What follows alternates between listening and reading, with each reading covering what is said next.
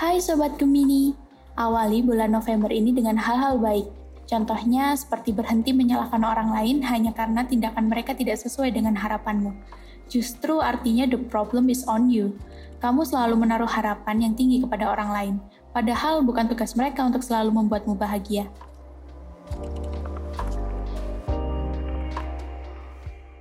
Percintaan untuk Sobat Gemini yang masih single. Semua orang pernah mengalami gagal, Terus semangat dan optimis ya.